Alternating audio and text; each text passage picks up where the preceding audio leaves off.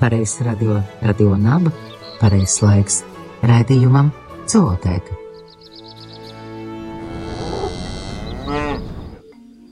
Čau un sveiciens visiem zemiešiem, cienītiem, godātiem, ar tiesībām visvisādām apgādātajiem.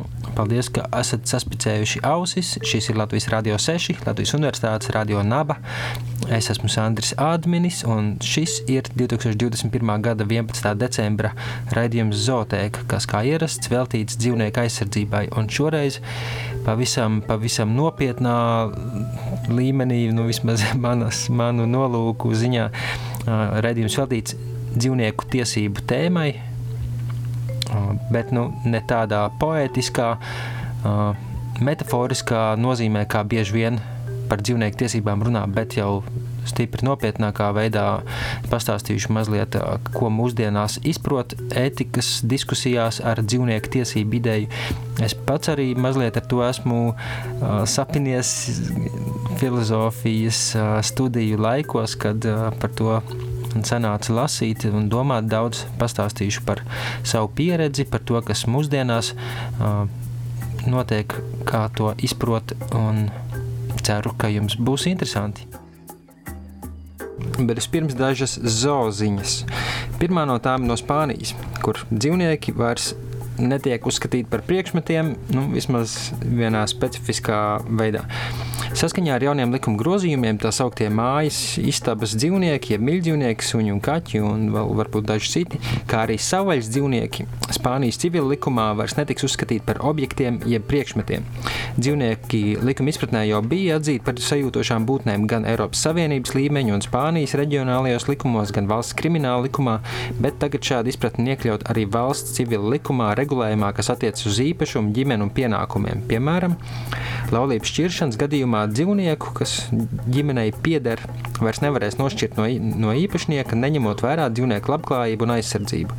Līdz šim juristiem nebija likumiski pamatojumi, lai šādos līdzīgos gadījumos aizsargātu dzīvnieku nu, kaut nedaudz vairāk par leduskapi vai televizoru vai citu mantas īpašumu veidu kā arī tagad dzīvniekus vairs nebūs ļauts atsevināt kā mantu īpašnieka parādu segšanai. Jaunos grozījumus atbalstīja visas valdības politiskās partijas, izņemot galēji labējo Vox, kas paudusi bažas, ka tas var apdraudēt tādas dzīvnieku izmantošanas tradīcijas kā vēršu cīņas un medības. Līdzīgas ziņas pēdējos gados ir nākušas arī no citām valstīm, un tas viennozīmīgi iezīmē pārmaiņas attieksmē pret dzīvniekiem, vai vismaz daļu no viņiem. Un arī Spānijas jaunumi attiecas uz mīļdzīvniekiem un savvaļas dzīvniekiem vai jūs pamanījāt, ka tur arī kaut kas varbūt trūkst. Šīs būtnes ir daļa no visām, kuru dzīvi un labklājību ietekmē cilvēki, protams, bet uz tā sauktiem lopkopības dzīvniekiem, kuri ir daudzkārt lielākā skaitā pasaulē un, un, un cilvēku pakļautībā šie jaunie likuma grozījumi, cik es saprotu, neattieksies vismaz pagaidām. Otra zooziņa ir no Latvijas. Delfos izvērsts garš raksts Delfa plus sadaļā. Vai kāds ir redzējis ūdeni maskā, dezinficējot ķepas un cītīgi ievērojot distanci? Covid-19 uzliesmojums ūdeņa audzētavā Sijā Baltika Devona Minka par šādu iztēles ainu neļauj pasmieties, jo tur kopš pavasara nekontrolēti attīstās jaunas Covid-19 mutācijas. Turklāt vīruss jau vairāk kārt ir šķērsojis sugu robežas, no cilvēkiem pārnesies uz ūdeņiem un atpakaļ. Zinātnieki norādījuši, ka tas ir bīstami, jo rezultātā varam nonākt pie jauniem Covid-19 variantiem, kas galvas, galvas sāpes sagādās nevairs tikai vietējā, bet arī pasaules mērogā. Nu, iespējams, Latvija tā varētu tikt pie sava specifiskā Covid paveida. Un tikmēr atbildīgās iestādes vispirms vairākus mēnešus situāciju vēroja darba grupā, bet nu, risinājums esot iestrēdzis valdības gaiteņos. Vēlā pavasarī uzmanību šim uzliesmojumam ūdeņu fermā pievērs arī mēdī, bet nelielais skandāls āši nopl noplaka. Un tikmēr ūdeņas ir turpinājušas slimot visu vasaru un rudeni. Kopumā kopš pavasara ar covid-19 inficējusies gandrīz trešā daļa audzēto uz darbinieku, inficēto ūdeņu skaits nav aplēšams. Vasaras periodā šajā zvēraudzētavā esot bijuši 300 tūkstoši ūdeļu, kas ir milzīgs skaits. bet pašlaik esot 100 tūkstoši, acīm redzot, viņi jau ir izkāvuši daļu. Tālāk rakstā teikts, ka jauni darbinieku saslimšanas gadījumi tiešām vairs netiekot reģistrēti, bet vīrusu cirkulācijas starp pūdelēm novērst nesot izdevies. Nu, kas ir, nu, manuprāt, pašsaprotami, ņemot vērā, ka tur ir tik milzīgā skaitā šie dzīvnieki būros cieši viens pie otra. Nu, nav iespējams tur kaut kā no, no, norobežot vīrusu izplatību. Un, līdz ar to pastāv arī sabiedrības veselībai bīstama mutācija risks. Gan biomedicīnas pētījumu un studiju centrs, gan slimību profilakses un kontrolas centrs, izvērtējot šos riskus, ir rekomendējuši likvidēt ūdeles, lai novērstu apdraudējumu sabiedrības veselībai. Un, kā teicis Biomedicīnas pētījumu un studiju centra zinātniskās padomas priekšsēdētājs Jānis Kloviņš, es domāju, ka tas vīrus ir arī apkārt dabā, ko arī starp citu centīsimies noskaidrot. Mēs tomēr zinām, ka tās ūdens tur izmūk. Noteikti ir kaut kādi dzīvnieki, kas tur nāk baroties, un mēs zinām, ka diezgan plašs dzīvnieku lokus var inficēties. Nu, papildus šai uh, satraucošai ziņai neliela, bet iepriecinoša vēl viena kažoka ziņa par to, ka dzīvnieku ciešanas vairs nav modē. Elle pirma, ir pirmais pasaules mēroga modes žurnāls, jā, Elle, kas atteicies reklamēt un izrādīt kažokādus savu žurnālu lapusēs. Un, un tas tiešām ir nopietni un ievērības cienīgi, jo pārmaiņas attiecas uz visiem L žurnāliem visā pasaulē, kas ir kopā 45 izdevumi. Tā kā vēl viens pieturpunkts tajā pārmaiņu procesā. Ceļā uz pasauli, kurā dzīvniekus vairs netur šauros mazos būrīšos, lai tikai viņus nonāvētu un nodīrātu pūkainā kažociņa iegūšanai. Vēl viena maza, bet nu, pozitīva, sirsnīga zoziņa par to, ka Igaunijas veterināra medicīnas studentu asociācija jau sesto gadu pēc kārtas rīko labdarības akciju patvērsmu dzīvniekiem, uzstādot sirsnīgus atgādinājumus par tiem, kam vajag mājas. Un, tās ir tādas mazas eglītes, ko uz, uzstādījuši viņi ir publiskās vietās, kur cilvēki apgrozās arī jā, tagad ziemas laikā, tur pie tirdziņiem, bibliotēkās un, un pilsētu pilsētu laukumos. Un eglītēs ir sakarinātas kartiņas, kā fotografijas ar suņu un kaķu portretiem. Un, Katras fotografijas otrā pusē ir apraksts par konkrēto dzīvnieku, kā arī uh, dzīvnieku patvērsmes kontakta informācija, lai, lai cilvēki, kam ir radusies interese, var sazināties un arī adoptēt kādu no šiem dzīvniekiem. Taču rīkotāji arī atgādina, ka dzīvnieku adopcija nedrīkst būt sasteigts un nepārdomāts lēmums. Tā ir tomēr atbildības uzņemšanās uz vairākiem gadiem. Savukārt tie, kas ne, nevar sniegt mājas šiem dzīvniekiem, tiek aicināti palīdzēt ar ziedojumu, jo katra patversmē uzņemta kustoņa veterinārā pamata aprūpe, nu, vakcinācija un, un attārpošana un tā tālāk izmaksājot ap 100 eiro. Tā kā aicinājums adoptēt un nepirkt dzīvniekus svētku, Ziemassvētku noskaņās.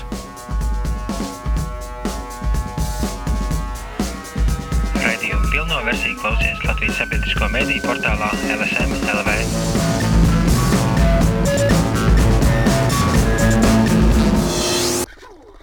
10. decembris ir diena, kad atzīmē, nu, varētu teikt, visu zemiešu tiesību aizsardzību. Sākotnēji šajā datumā atzīmēja Starptautisko cilvēktiesību dienu. 1948. gadā apvienoto nāciju organizācija jeb ANO pieņēma vispārējo cilvēktiesību deklarāciju, pasludinot, ka visi cilvēki piedzimst brīvi un vienlīdzīgi savā cieņā un tiesībās.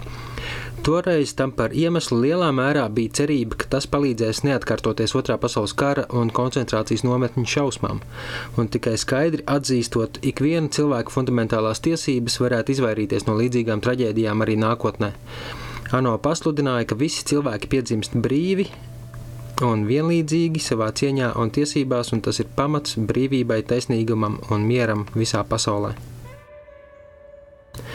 Vēlāk dažādas organizācijas, biedrības un dzīvnieku aizstāvji aicināja paplašināt šīs dienas nozīmi uz visiem mūsu planētas iemītniekiem, atzīmējot 10. decembri arī kā Startautisko dzīvnieku tiesību dienu, jo cilvēki ir viena no dzīvnieku sugām, savukārt miljardiem sajūtošu būtņu, kas lielā mērā līdzinās mums, ik gadu kļūst par cilvēces upuriem. Neaptverams daudzums kaķu un suņu, govju un cūku, vistu, aitu, trušus, zivju, kazu, zirgu, peļu tītaru, kamieļu un visdažādāko jūras iemītnieku katru gadu cieši un mirst cilvēku rokās, lai gan tā varētu arī nebūt. Un tāpēc šī diena tiek atzīmēta kā atgādinājums sabiedrībai par to, ka brīvība, taisnīgums un cieņa attiecas uz ikvienu sajūtošu būtni, kas vairās no ciešanām un kas cīnās par savu dzīvību, neatkarīgi no ādas krāsas, dzimuma vai sugas piedarības. Šobrīd, 2021. gadā, pasaulē atzītas tiesības ir tikai vienas sugas būtnēm. Būtnēm, kas uzskata, ka drīkst brīvi izmantot visu pārējo sugu būtnes, un, protams, tie ir homo sapiens. Bet dažādu individu tiesību atzīšana laika gaitā piedzīvo izmaiņas. Vēl samērā nesen cilvēkus, vismaz daļa no cilvēkiem, brīvi un likumīgi varēja tirgot kā preces. Sievietes bija, sievietēm bija liekts studēt augstskolās vai vadīt automašīnas, bet cilvēks ar garīgās attīstības problēmām drīkstēja izmantot medicīnas izmēģinājumos. Nav viegli iztēloties, ka tas viss kādreiz notika ar sabiedrības piekrišanu, jo mēs esam pieraduši tomēr pie privilēģijām, brīvībām un tiesībām, kādas mums ir šobrīd. Un tikpat grūti varētu būt arī iztēloties, kā tiesība aizsardzība varētu izvērsties nākotnē attiecībā uz citu sugu būtnēm, individiem. Mums ir ļoti daudz kopīgi ar dzīvniekiem, kā jau mēs zinām ne tikai anatomiski, bet arī uzvedības ziņā. Ar dzīvniekiem, ko mēs tomēr izmantojam kā, kā nu, objektus pārtikai, izklaidēji darbam, arī eksperimentiem. Viņi spēja izjust gan ciešanas un baudas, gan gūt uh, emocionālus pārdzīvojumus. Viņi mācās viens no otrā, atceras notikušo, rūpējas nevien par saviem, bet neret arī citu mazuļiem. Un viņi, protams, tiec pēc patīkamā, izvairās no nepatīkamā. Tātad viņiem ir savas intereses, viņiem nav viena alga, tāpat kā mums, atšķirībā no, piemēram, akmeņiem.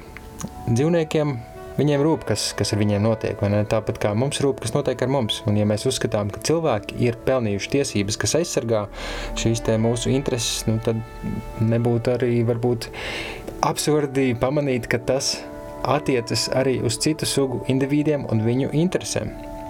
Jāņem vērā, ka citu sugu uh, intereses nevienmēr sakrīt ar, ar mūsējām. Līdz ar to arī uh, tiesības, kas nepieciešamas dzīvniekiem, var būt citādākas nekā, piemēram, mums esošās, piemēram, vistām nav vajadzības pēc reliģiskās brīvības vai vēlēšana tiesībām. Piešķirt šiem dzīvniekiem kaut ko tādu būtu bezjēdzīgi, jo viņi no tā nevar gūt nekādu labumu. Tomēr uh, tas nenozīmē, ka dzīvniekiem nebūtu jāpiešķir nekādas tiesības. Dzīvnieku tiesība aizstāvi, ko nevajadzētu jaukt ar labturības aizstāvjiem, necenšas padarīt cilvēkus un pārējās sugas pilnīga, pilnībā nu, vienādas, līdztiesīgas, bet gan nodrošināt dzīvniekiem pamattiesības, viselementārākās, vienkāršākās pamattiesības, un tās ir nu, tiesības uz dzīvību un brīvību, tiesības netikt izmantotiem, nepiedzīvot cilvēku izraisītas ciešanas un priekšlaicīgu nāvi. Lai gan ētikas teorijas ir pastāv un ir diezgan dažādas, atšķirīgas dzīvnieku tiesības, dzīvnieku tiesību idejas pamatā, nu, kas ir samērā tomēr vienojoši. Uzskats ir tas, ka dzīvnieki ir pelnījuši dzīvot brīvi no izmantošanas un kaitējuma, ko tiem nodara cilvēki. Ir tīpaši nu, tad, kad, kad tam tiešām nav nekāda nopietna pamatojumu. Tas nozīmē daudz vairāk par, par mēģinājumiem uh, uzlabot uh, labturības noteikumus un izturēties humānāk, kamēr mēs viņus izmantojam vai nogalinām. Tas nozīmē, ka dzīvniekiem jābūt pasargātiem no cilvēku nežēlības un pakļaušanas, tāpat kā mums ir šādas tiesības būt pasargātiem no nežēlības un pakļaušanas. Savukārt, ja mēs nepiekrītam, ka dzīvniekiem ir šādas tiesības tādēļ vien, ka viņi nav daļa no homo sapiens sugas, tad šādai nostājai attieksmei vajadzētu būt nopietni pamatotai. Taču atsaukšanās uz tradīciju, ērtību vai tā dabā iekārtots nu, nav derīgi arguments, jo ar tādiem varētu mēģināt attaisnot visdažādāko barbarisko rīcību arī pret uh, cilvēkiem, dažām cilvēku grupām. Tā arī ir vēsturiski noticis diezgan bieži. Bez nopietna pamatojuma izturēšanās pret dzīvniekiem kā pret, kā pret mums piederošu mantību ir, tā ir uzskatām par netaisnīgu. Un, un to mēdz raksturot kā sugu diskrimināciju, jeb sudzismu. Līdzīgi kā diskriminācija rases, dzimuma vai seksuālās orientācijas dēļ. Un, nu, ar šādiem apsvērumiem dzīvnieku tiesība aizstāvi cenšas paplašināt to būtņu loku, pret kurām vajadzētu izturēties taisnīgi un ar cieņu. Tās ir visas būtnes, kas līdzīgi kā mēs spēj just sāpes, prieku, bailes, dusmas. Un, ja mēs tiešām gribam izturēties pret dzīvniekiem ar cieņu, kā tas arī ir aicināts Latvijas Republikas dzīvnieku aizsardzības likuma ievadā, cienot viņus kā individus, kam piemīt vērtība pašiem par sevi, nevis kā pret mums noderīgiem objektiem, Un tad mēs arī nedrīkstētu atbalstīt viņu izmantošanu izklaidē vai eksperimentiem, un tā skaitā arī nedrīkstētu atbalstīt lopkopību vai jebkuru citu, citu rīcību, kur dzīvniekus pakļauj un izmanto kā lietas un resursus. Līdz ar to pirmā un iespējams arī svarīgākā lieta, ko ik viens var darīt dzīvnieku labā jau uzreiz, un ja jūs piekrītat šai domai, šim argumentam, ir nu, katram pašam pārtraukt dzīvnieku izmantošanu savā dzīvē. Un pārtraukt viņu ēst, pārtraukt maksāt par viņu mocīšanu, izklaides industrijā, kažokādu industrijā un tā tālāk. Nu, un kopumā to var saukt par kļūšanu par vegānu. Tā, tā mēs arī to izprotam. Ka dzīvnieku tiesību ievērošana, tiesības uz dzīvību un brīvību rezultējās tajā, ka nu, loģiskākais solis ir veganizēties. Bet es gribu jums pastāstīt, kā es līdz šim visam nonācu. Es studēju savulaik Latvijas Universitātē, filozofos. Artis Svets tur pasniedza kursu par cilvēku dzīvnieku attiecībām, un tā skaitā arī par ētiku, par to, kā, kādi ir tie mūsdienu ietekmīgākie uzskati saistībā ar, ar dzīvnieku audzēšanu, saistībā ar to, kāda ir mūsu pienākumi pret viņiem. Jo nu, skaidrs, ka viņi ir kaut kas vairāk par nejūtošiem priekšmetiem, objektiem, ne, kas ir mums visapkārt. Bet vienlaikus mēs tomēr pieļaujam, ka notiek daudz tādas lietas, ko, ko mēs pieļaujam tikai ar, ar, ar nejūtošām lietām.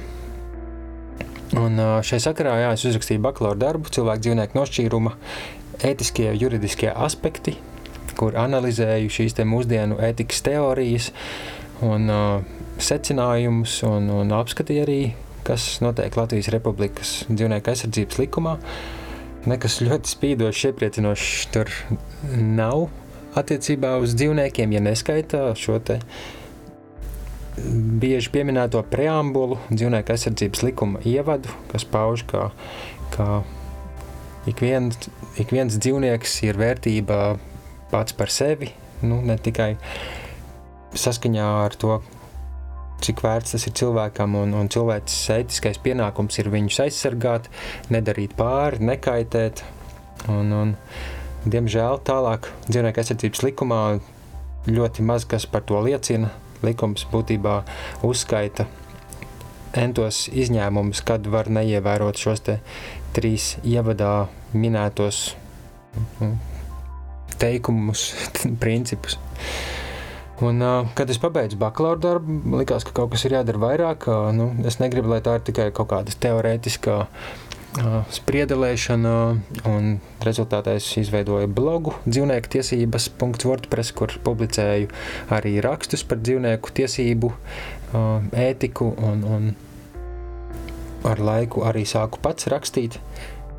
Tādas nelielas esejas saistībā ar to, kas tad īsti ir šī dzīvnieku tiesība ideja, kā tas atšķirās no, no dzīvnieku labturības, kas ir izplatītā, izplatītākā, nu, varētu teikt, teorija attiecībā uz dzīvnieku aizsardzību un kas arī ir iekļauta likumos. Nu, tā doma, ka dzīvniekus turēt, nogalināt, izmantot un visu kaut ko citu darīt ir ok, kamēr vien tas atbilst šiem uzskaitītajiem principiem, un tie principi nemitīgi mainās, bet nu, ar laiku mēs tomēr saprotam, ka Vienalga, cik plašos un, un, un ērtos būros mēs turam lapsas vai citus dzīvniekus, viņus nogalināt, vienalga ar cik asiem nažiem un cik spēcīga elektrība nav ok, jo pašos pamatos šis te mērķis nogalināt dzīvnieku, lai iegūtu kažokādu, nu, nav ētiski mums vairs pieņemams.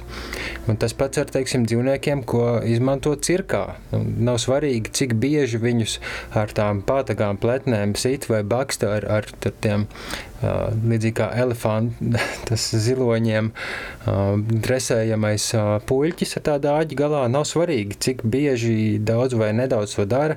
Ja mēs uzskatām, ka jau pēc būtības dzīvnieku izmantošana cilvēku izklaidēšanai nav ētiski vairs pieņemama, un, un līdzīgi arī ar citām lietām, kur mēs saprotam, ka okay, tā kādreiz tika darīts, tas bija uzskatīts par normālu, pieņemamu lietu, bet šobrīd mēs redzam, ka, ka mēs bez tā varam ļoti labi dzīvot dzīvot, un ir visvisādas iespējas īstenot mūsu vajadzības, piepildīt uh, mūsu nepieciešamības bez dzīvnieku pakļaušanas ciešanām un nogalināšanas. Tāda ir tā lietas būtība, manuprāt, samērā vienkārši, kad uz to tā paskatās. Tagad, lai noskan viens gabals no Mobija 98. gada albuma Animal Rights dziesma ar nosaukumu That's When I Reach For My Revolver.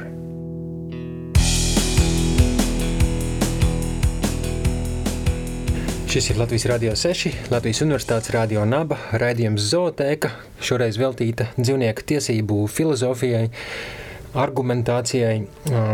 Un, uh, es gribēju pastāstīt, ka īsi pēc tam, kad es biju pabeidzis savu bakalaura darbu 2008. gadā, tajā laikā arī manī radās šis impulss, vajadzība, vēlme kaut ko darīt vairāk, nu, ne tikai to atstāt tādu akadēmisku pētījumu līmenī. Un, un es biju lasot un rakstot to visu, jau atradis sev tuvus domātājus un darītājus, un tā skaitā tādu mazu bukletiņu par dzīvnieku tiesībām, ko es nolēmu, ka derētu latviskot. Tas bija Gerija Frenciones tiesību filozofa buklets ar nosaukumu Animal Rights, The Abolitionist Approach, ko es arī pamazām iztulkoju, un ar laiku izdevās pat viņu nodrukāt. Draugiem LV domu biedru grupā man izdevās atrast atbalstītājus, sponsorus, kas kopā sametās simts latus par kuriem arī varēja nodrukāt, ja nemaldos, 4000 šo bukletiņu, ko taupības nolūkos mēs nolēmām nelocīt ražotnē, bet salocīt ar rokām, kas, protams, bija šausmīgi ilgs darbs un ņemšanās. Bet īpatnējā kārtā tas bija arī iemesls mums tikties. Varbūt kādi pieci līdz septiņi cilvēki vairāk kārt mēs satikāmies, un tā kā vajadzēja visu uzmanību veltīt tam papīram, kas tev ir jāsalūdz. To mums nevajadzēja īpaši skatīties viens otram virsū, un tas mums lielā mērā introvertiem cilvēkiem, es domāju, nāca arī par labu, un rezultātā mēs varējām parunāties tādā salīdzinoši brīvā atmosfērā un vienlaikus darot kaut ko praktiski noderīgu. Es arī gribu jums nolasīt kādas daļas no šī bukleta. Attieksme pret dzīvniekiem - mūsu morālā šizofrēnija. Mēs apgalvojam, ka uztveram dzīvnieku intereses nopietni. Mēs visi piekrītam, ka ir morāli nepareizi nodarīt dzīvniekiem ciešanas vai tos nogalināt bez pamatota iemesla, bet ko tad īsti ar to domājam? Lai ko tas nenozīmētu, tam vajadzētu nozīmēt, ka nav pareizi dzīvnieks pakļaut ciešanām vai nogalināt tikai baudas, izklaides ērtības vai ieradumu dēļ. Taču vairumu gadījumu, kad mēs izmantojam dzīvniekus, gan arī visus, nevar paskaidrot citādi, kā vien atzīstot, ka to darām baudas, izklaides ērtības vai ieradumu dēļ. Un lielākā daļa dzīvnieku tiek nogalināti pārtikai. Saskaņā ar ANO pārtiks un lauksaimniecības organizācijas datiem katru gadu pārtiks iegūšanai cilvēki nogalina aptuveni 53 miljardus dzīvnieku. Neskaitot zivis un citus jūras dzīvniekus.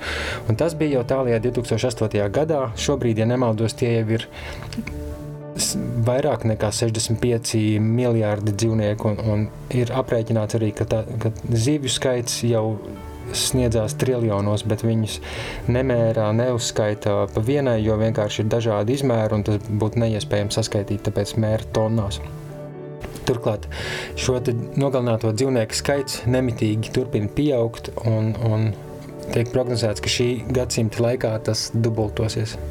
Un tad uh, bukletā tālāk ir jautājums, kā tad ir iespējams attaisnot šos laktiņu un, un uzskaitīt vairāk tādi tipiskie uh, skaidrojumi, Mēs nevaram to attaisnot, sakot, ka mums ir jāēd dzīvnieku izcelsmes produkti veselības uzturēšanai.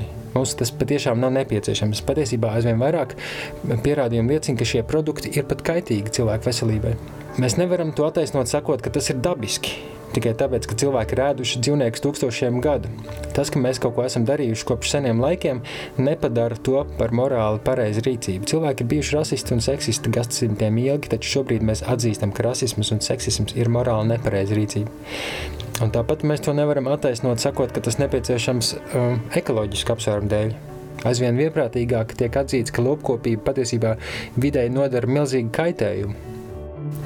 Piemēram, dzīvnieki patērē milzīgu daudzumu ūdens. Mailopu vajadzībām tiek izmantoti apmēram 30% zemes virsmas, tajā skaitā 33% aram zemes izmanto, lai saražotu šiem dzīvniekiem barību.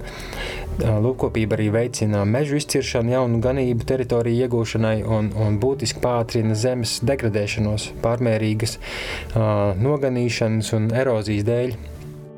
Turklāt dzīvnieki patērē daudz vairāk proteīnu nekā tie saražo.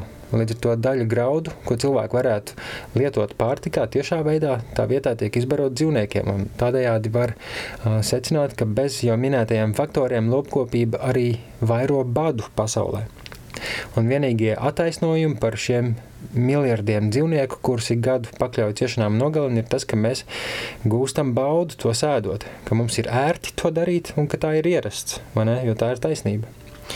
Bet, kā jau iepriekš tika teikts, nu, šie nav labi attaisnojami. Līdz ar to nu, mums nav nekāda nopietna, jēdzīga attaisnojuma to turpināt. Un tad uh, bukletā tiek teikts, ka kopumā cilvēku domāšana par dzīvniekiem ir pavisam juceklīga. Ka daudz no mums dzīvo vai ir dzīvojuši kopā ar, ar suņiem, kaķiem, trušiem un tā tālāk, dzīvniekiem, ko mēs bieži vien atzīstam, ka mīlam, uzskatām viņus par svarīgiem ģimenes locekļiem. Mēs skumstam, kad viņi nomirst, taču vienlaikus mēs duram dakšiņus citos dzīvniekos, kuri nemaz nav tik atšķirīgi no tiem, kurus mīlam. Un tas, tas nav īsti saprotami, tāda, tāds nošķīrums. Un tad uh, Francione savā bukletā um, sāk runāt par to, kas tad ir tas tā humānā izturēšanās. Ka nu, pastāv dzīvnieku labturības likumi, kas pieprasa, lai mēs izturētos humāni pret dzīvniekiem, taču šie likumi ir lielā mērā bezjēdzīgi, jo dzīvnieki tiek uzskatīti par cilvēku īpašumu. Par precēm, kam nav citas vērtības kā vien tā, kādu tiem mēs piešķiram. Likuma priekšā dzīvnieki īpaši neatšķiras no, no kā jau zooziņā iepriekš tika minēts, mēbelēm, televizoriem un, un jebkāda cita īpašuma veida.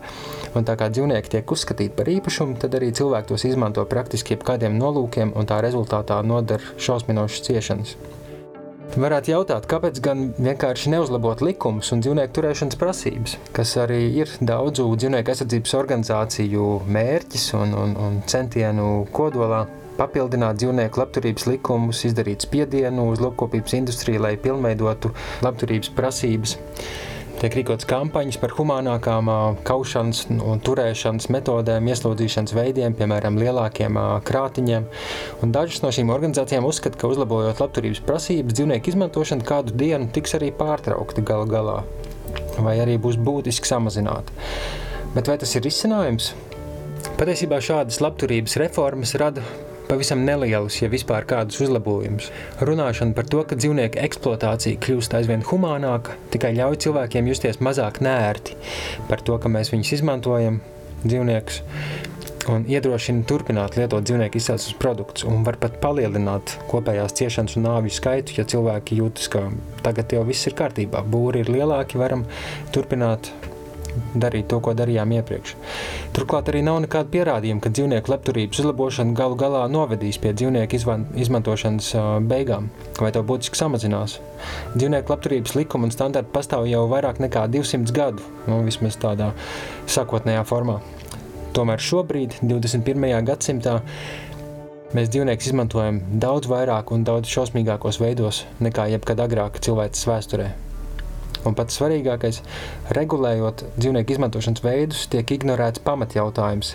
Kā attaisnot to, ka mēs izmantojam dzīvniekus kā resursus, lai cik arī humāni mēs pret viņiem izturētos?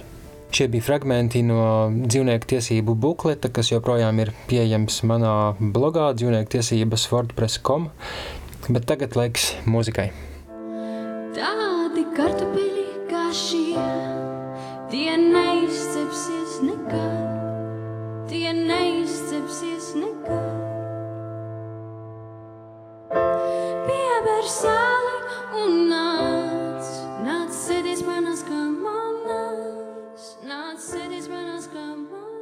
Tikko dzirdējāt sniedzas prauliņas, skaņdarbu kartupeļi no koncerta, bet uh, es gribēju vēl paturpināt. Kas tad tajā dzīvnieku skatījumā tiek ieteikts? Un, uh, kā risinājums tiek minēts tā sauktais abolicionisms, līdzīgi kā uh, verdzības abolicionisms, atcelšana, pārtraukšana. Tā arī uh, šeit tiek ieteikta dzīvnieku izmantošanas pārtraukšana, nevis tikai mainīšana.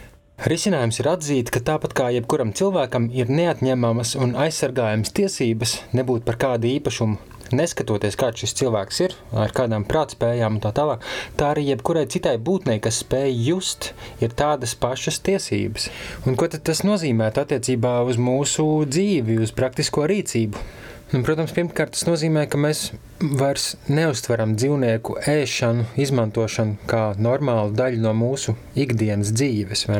Vismaz iespēja robežās no tā mēģinām tikt vaļā vai samazināt. Un tad arī bukletā tālāk tāds specifisks jautājums. Bet kas tad vainas tam, ka mēs ēdam citus dzīvnieku izcelsmes produktus, neskaitot gaļu? Jo nu, ar gaļu, es domāju, visiem skaidrs, ka nu, tās dēļ ir jānogalina. Patiesībā nav būtisks atšķirības starp gaļas ēšanu un piena, olu vai citu dzīvnieku izcelsmes produktu lietošanu. Jo pret dzīvniekiem, kurus izmanto šiem produktiem, lai tos iegūtu, izturas tikpat slikti, ja ne vēl sliktāk kā pret tā sauktiem gaļas dzīvniekiem. Turklāt viņu mūžs tiek pārtraukts tajā pašā kautuvē, viņu miesa tiek apēsta tik un tā. Līdz, līdz ar to varētu pat teikt tādā poetiskā veidā, ka glāzē piena, saldējumā vai olā ir tikpat daudz ciešanu un nāves, cik gaļas gabalā. Turpināt uzskatīt, ka pastāv morāla atšķirība starp gaļas ēšanu un piena, olu vai, dzīvnieku, vai citu dzīvnieku izcelsmes produktu lietošanu ir tikpat naivi kā uzskatīt, ka ēst lielas govis ir ētiskā ziņā atšķirīgi no mazu govju ēšanas. Kamēr vairums no cilvēkiem turpinās uzskatīt, ka dzīvnieku izcelsmes produktu lietošana ir pieņemama, priekš dzīvniekiem nekas īsti nemainīsies. Tā kā jā, tas viss, protams, ir mūsu rokās, cik mēs to nopietni uztveram, vai mēs tam piekrītam vai nē.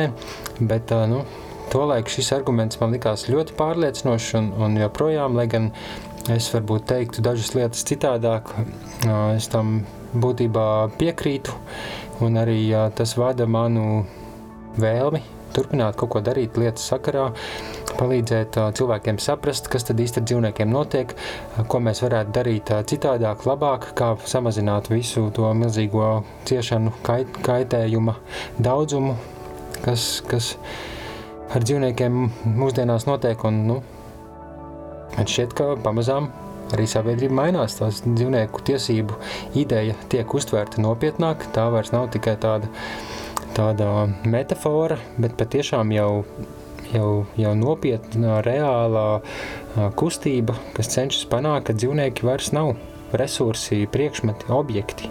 Jo nu, īsti tāds starposms starp, starp priekšmetu, lietu un personu. Tas nestrādā. Bet pašlaik dzīvnieki ir kaut kādā ziņā tur pa vidam, ka no vienas puses mēs saprotam, ka viņi jūt, viņi nav uh, tur priekšmeti, bet no otras puses viņiem nu, ļoti minimālā aizsardzība tiek piešķirta. Kā jau teicu, šo bukletu joprojām varat atrast manā blogā, dzīvnieku tiesības.wordpress, arī Abolitionist Approach, angliskajā mājaslapā. Ja nu jums ir vēlme izlasīt vēlreiz, varbūt pat izdrukāt. Un jā, es savulaik, pirms nu jau vairāk nekā 13 gadiem, šīs, šos izdrukātos mazos bukletiņus arī Latvijas universitātes ēkās atstāju blakus visādiem komerciāliem flyeriem un bukletiem.